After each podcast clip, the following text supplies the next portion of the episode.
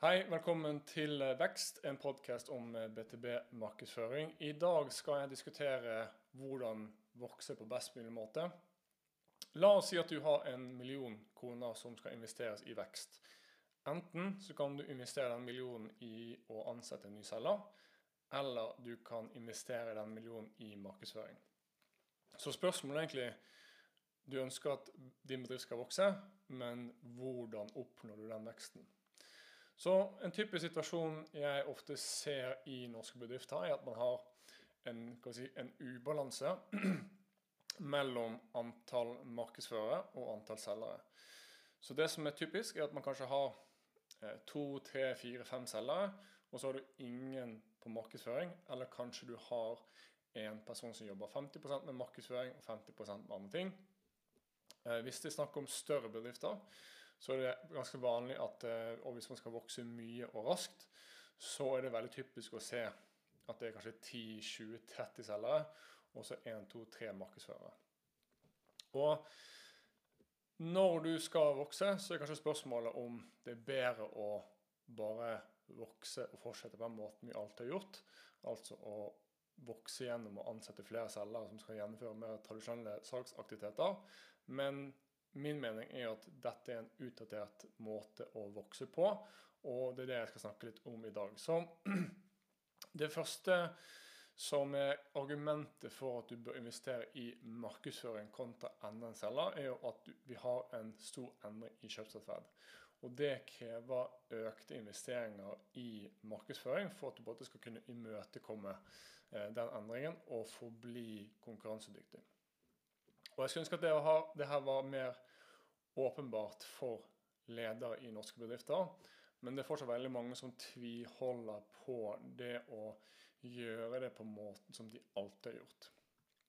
Og når vi eh, som kjøpere, enten om det er privat eller via bedriften vår, og vi kjøper produkter og tjenester, så begynner vi ikke den prosessen, som oftest i hvert fall, med å kontakte leverandøren. Vi begynner digitalt. Vi begynner med eh, et søk i Google, vi følger eh, et selskap i sosiale medier, vi ser et webinar.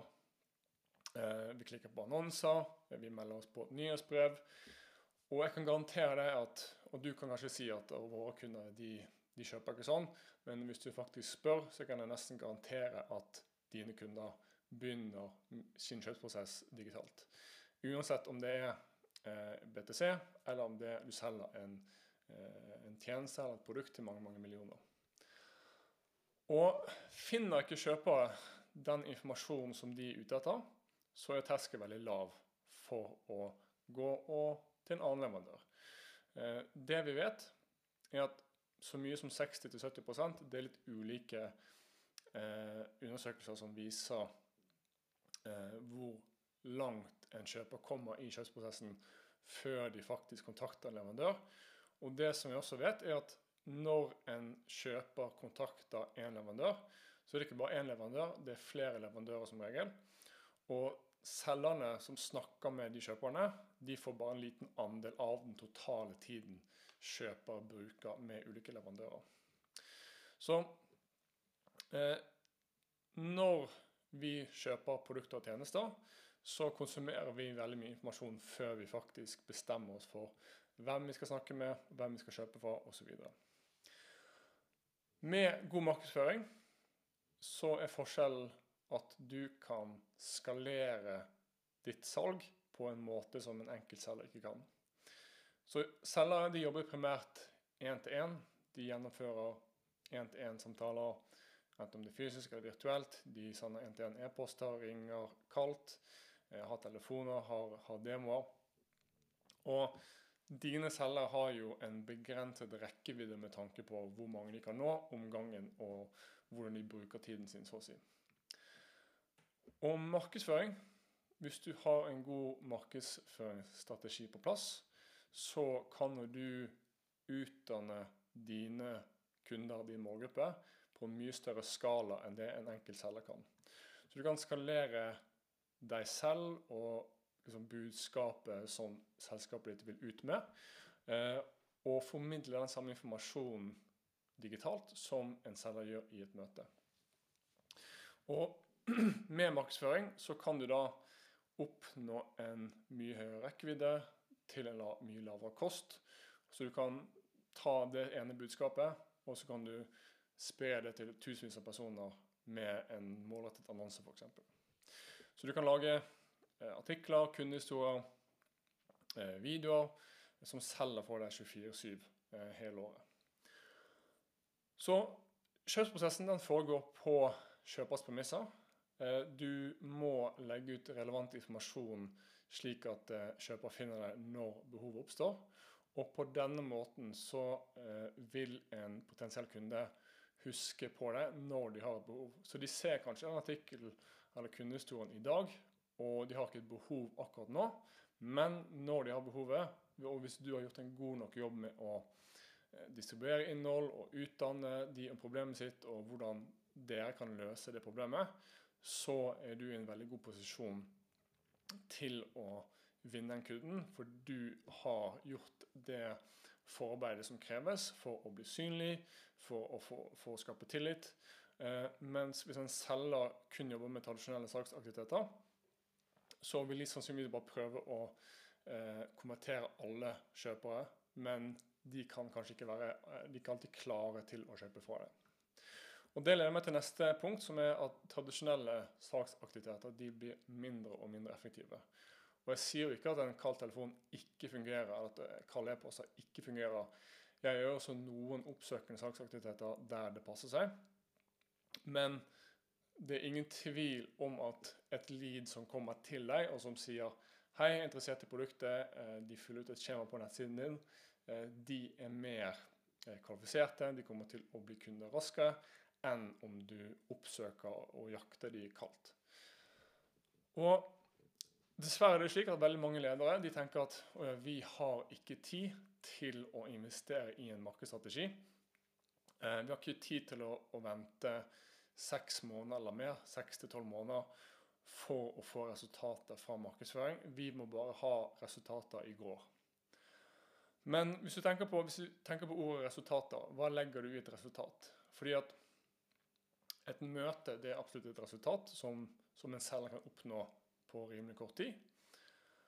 Men hva om de møtene La oss si at du booker 50 møter, og veldig få av de møtene led, eh, de blir da til kunder. Så hvis en selger må gjennomføre Altså de må sende hundrevis av e-poster og ringe mange mange kalde telefoner, eh, og så vil en stor andel av de møtene ikke bli til kunder. Er det da en produktiv bruk av selgerens tid? Og hvorfor gjøre mer av noe som har lav effektivitet? Er det på at det er den mest effektive, effektive måten en selger kan bruke selskapets tid på? Så istedenfor at en selger ringer 20 kalletelefoner per dag, eller står på en stand f.eks. i noen dager, så med digital markedsføring, med digitale kanaler, så kan du gå ut med et relevant budskap 365 dager i året eh, i digitale kanaler til samme eller lavere kostnad, men samtidig da ha bedre rekkevidde, bedre resultater. Og når det kommer til resultater, det resultatet vi egentlig bryr oss innenfor BTB, det er jo så klart at vi bryr oss om omsetning. Vi ønsker at de aktivitetene vi gjør, at de leder til eh, flere avtaler, flere kunder, høyere omsetning. Og det er jo ikke slik at jo flere leads du har, jo flere kunder får du nødvendigvis. En typisk norsk SMB, hvis de hadde fått la oss si fem til ti svært kvalifiserte henvendelser hver måned, så hadde det vært nok til å oppnå veldig god vekst for de fleste eh, små og mellomstore bedrifter. Så kanskje du trenger færre selgere, men du kan gi de selgerne du har, bedre leads å jobbe med. Og en selger som kan bruke mindre tid på tradisjonelle saksaktiviteter, de vil ha en bedre arbeidshverdag. Det er veldig tungt å jobbe med prospektering, finne kontaktinformasjon, jobbe med oppsøkende salg og få mye avslag, få mange nei. Eh, men hvis de får flere innkomne varmelyd som faktisk viser intensjonen om å kjøpe, de viser interesse i produktet eller tjenesten du selger, så vil det være en mye bedre arbeidshverdag. fordi at den selgeren vil kunne bruke sin tid på å faktisk selge til kjøper som har eh, et eh, behov. Og de leadsene vil da konvertere til salg i mye høyere grad. Den selgeren vil få høyere provisjon. Og så unngår du å ansette en ekstra selger som kanskje ikke er produktiv. Eh, og du slipper den lønnskostnaden. Neste punkt er at god markedsføring hjelper deg å få mer ut av de selgerne du har. Så jeg må bare understreke at dette er ikke noe som er eh, markedsføring mot, salg eller versus salg. Når marked og salg jobber tett sammen, så er det egentlig en vinn-vinn-situasjon. Så med tanke på å involvere markedsføring og salg og få dem til å jobbe tettere sammen, så er det bare positivt for begge, begge funksjoner. Så Idealet er så klart at du får så mange innkomne leads som mulig. Men i realiteten så må de fleste bedrifter sannsynligvis jobbe noe oppsøkende også. De kanskje må jobbe mer oppsøkende i starten, og så etter hvert som de får en bedre og bedre markedsføringsstrategi, og det maskineriet, maskineriet, begynner å gi gode resultater, så kan man kanskje begynne å jobbe mindre med oppsøkende og jobbe primært med innkomne leads. Men hvis vi tenker på hvordan markedsavdelingen kan involveres i større grad med eh, hvordan salg jobber på mer eh, eller hjelpe salg med å jobbe på en mer effektiv måte. Så Ett eksempel er markedssegmentering og bygge listen. Så Selger har en tendens til å tenke at jo flere prospects jeg kan eh, kontakte, jo større muligheter har jeg. Men det er jeg egentlig uenig i. Jeg mener at det er mer produktivt å fokusere på færre, men bedre kvalifiserte muligheter. Og den mest grunnleggende del av en markedsstrategi det er markedssegmentering å prioritere den bransjen og de vertikale og den type selskaper som har høy sannsynlighet for å kjøpe. Det er jo noen visse kriterier og visse personer innenfor disse selskapene som kanskje historisk har vist seg å være en bedre match for produktet eller tjenesten dere selger, kontra andre bransjer og andre roller. Så hvis salg eh, jobber sammen med, eh, med markedet om å definere den listen, og man eh, blir mer spisset i hvordan man kommuniserer, og man blir mer spisset i på det markedsaktiviteten man gjør. Hvis man kun gjennomfører markedsaktiviteter mot de la oss si at det er 1000 selskaper innenfor den, den listen av selskaper, så blir jo budskapet som marked og salg kommer ut med, det blir mer relevant. Det, mer, eh, det treffer bedre enn hvis du går veldig bredt. Og på den måten, når du som selger kontakter en person fra en av de selskapene, så vil jo det være en varmere samtale som regel. Så Istedenfor å skyte med hagle, så kan selgerne bruke mer tid på hvert individuelt prospekt, personalisere budskapet sitt i større grad og få en høyere treffprosent når de prospekterer, men også at de har færre prospects som de går etter. Et annet eksempel kan det være at markedsavdelingen installerer en sånn IP-sporingsløsning på nettsiden, f.eks. Leadfeeder. Og det som jeg mener er at du bør alltid prioritere aktive fremfor passive kjøpere, slik at kjøpere som gir fra seg kjøpsignaler, blir fulgt opp først. Så et kjøpsignal kan jo være et sidebesøk. Et sidebesøk til en, en, en side som indikerer at denne personen fra dette selskapet har en eh, intensjon om å i hvert fall lære mer og eventuelt kjøpe produktet eller tjenesten din. Så med et, en IP-sporingsløsning så kan du se okay, hvilke selskaper har eh, besøkt eh, prissiden vår, produktsiden vår, og så kan det være en måte for selger å si ok, istedenfor å følge opp disse 20 kalde prospektene, så følger jeg heller opp de fem som har besøkt nettsiden vår siste uke. Så kan det også være for at man utnytter innholdet man produserer i saksprosessen. Så hvis du som selger jobber med prospektering, du prøver å booke møter, så er det jo slik at du ofte har en lav treffprosent. Og Det kan jo være fordi at du treffer kjøper på feil tidspunkt. Du ønsker å få møte nå, selv om de kanskje ikke har behovet eller ikke riktig timing akkurat nå. Men det som selger også kan gjøre, og det er en liten sånn endring i tankesett, er at Selgere kan også fungere som en kanal for å distribuere informasjon, akkurat som om du bruker LinkedIn, Google og Facebook eller nyhetsbrevet ditt. Hvis vi ser på metodikker som inbound marketing og content marketing Dette er jo strategier som kan funke bra, men som også er litt passive. Du venter på at en potensiell kunde tar kontakt. Og det kan jo være et problem. Det kan være at de ikke søker etter hva enn du skriver om i, i Google. Kanskje ikke de eh, er i LinkedIn-nettverket ditt. De vet rett og slett ikke om deg.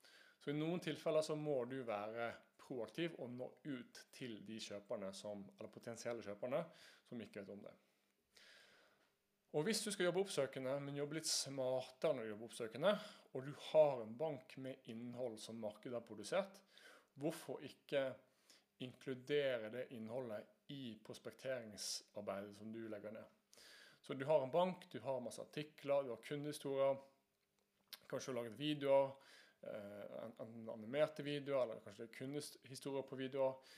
Så kan dette fint brukes som en måte å komme i kontakt med, bygge relasjoner, bygge tillit og bli mer synlig for de riktige personene. For Målet med prospektering trenger ikke alltid å være å booke et møte, men det kan også være at du skal bli mer synlig og Eh, komme foran de riktige kjøperne eh, et, et, stykke før de faktisk er i posisjon til å kjøpe. Så hvis du da si, lenker til artikler, disse kundehistoriene, eh, som en del av din sånn prospekteringsprosess eller sekvens, så kan det være en fin måte å gjøre de potensielle kunder klar over at du har en løsning som, eh, som løser et problem som de kanskje ikke visste at de hadde. Eh, så intensjonen blir liksom ikke å selge i dag, men det blir å utdanne de slik at du har en liste over leads som du kan følge opp eh, i etterkant. Men istedenfor at du har på en måte brent deg med å prøve å booke møte og få salget nå, så kanskje om tre måneder, seks måneder, ni måneder, så har du på en måte bygge, proaktivt bygget den relasjonen. Eh, og når de kanskje forstår at de har behovet, så kan du da eh, ta møtet da. Helt til slutt så er det også avkastningen mellom hvis vi sammenligner på tradisjonelt salg og markedsføring.